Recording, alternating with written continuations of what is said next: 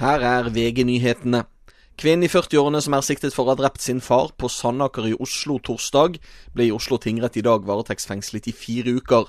Retten begrunner fengslingen med hensyn til gjentagelsesfare, ifølge TV 2.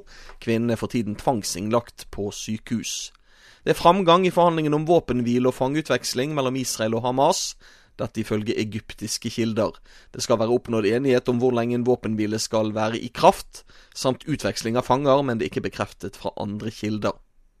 Lasteskipet Rubmar, som ble angrepet av Houthi-militsen i Rødehavet for en uke siden, har nå sunket. Skipet er lastet med kunstgjødsel og har også lekket ut olje.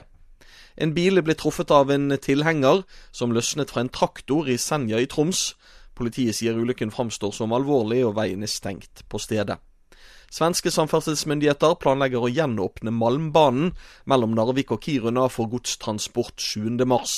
Den har vært stengt etter en avsporing 24.2, som er blitt etterforsket som mulig sabotasje, og det var den andre avsporingen på samme sted på bare et par måneder. Det er uklart når det kan gå persontog på strekningen igjen.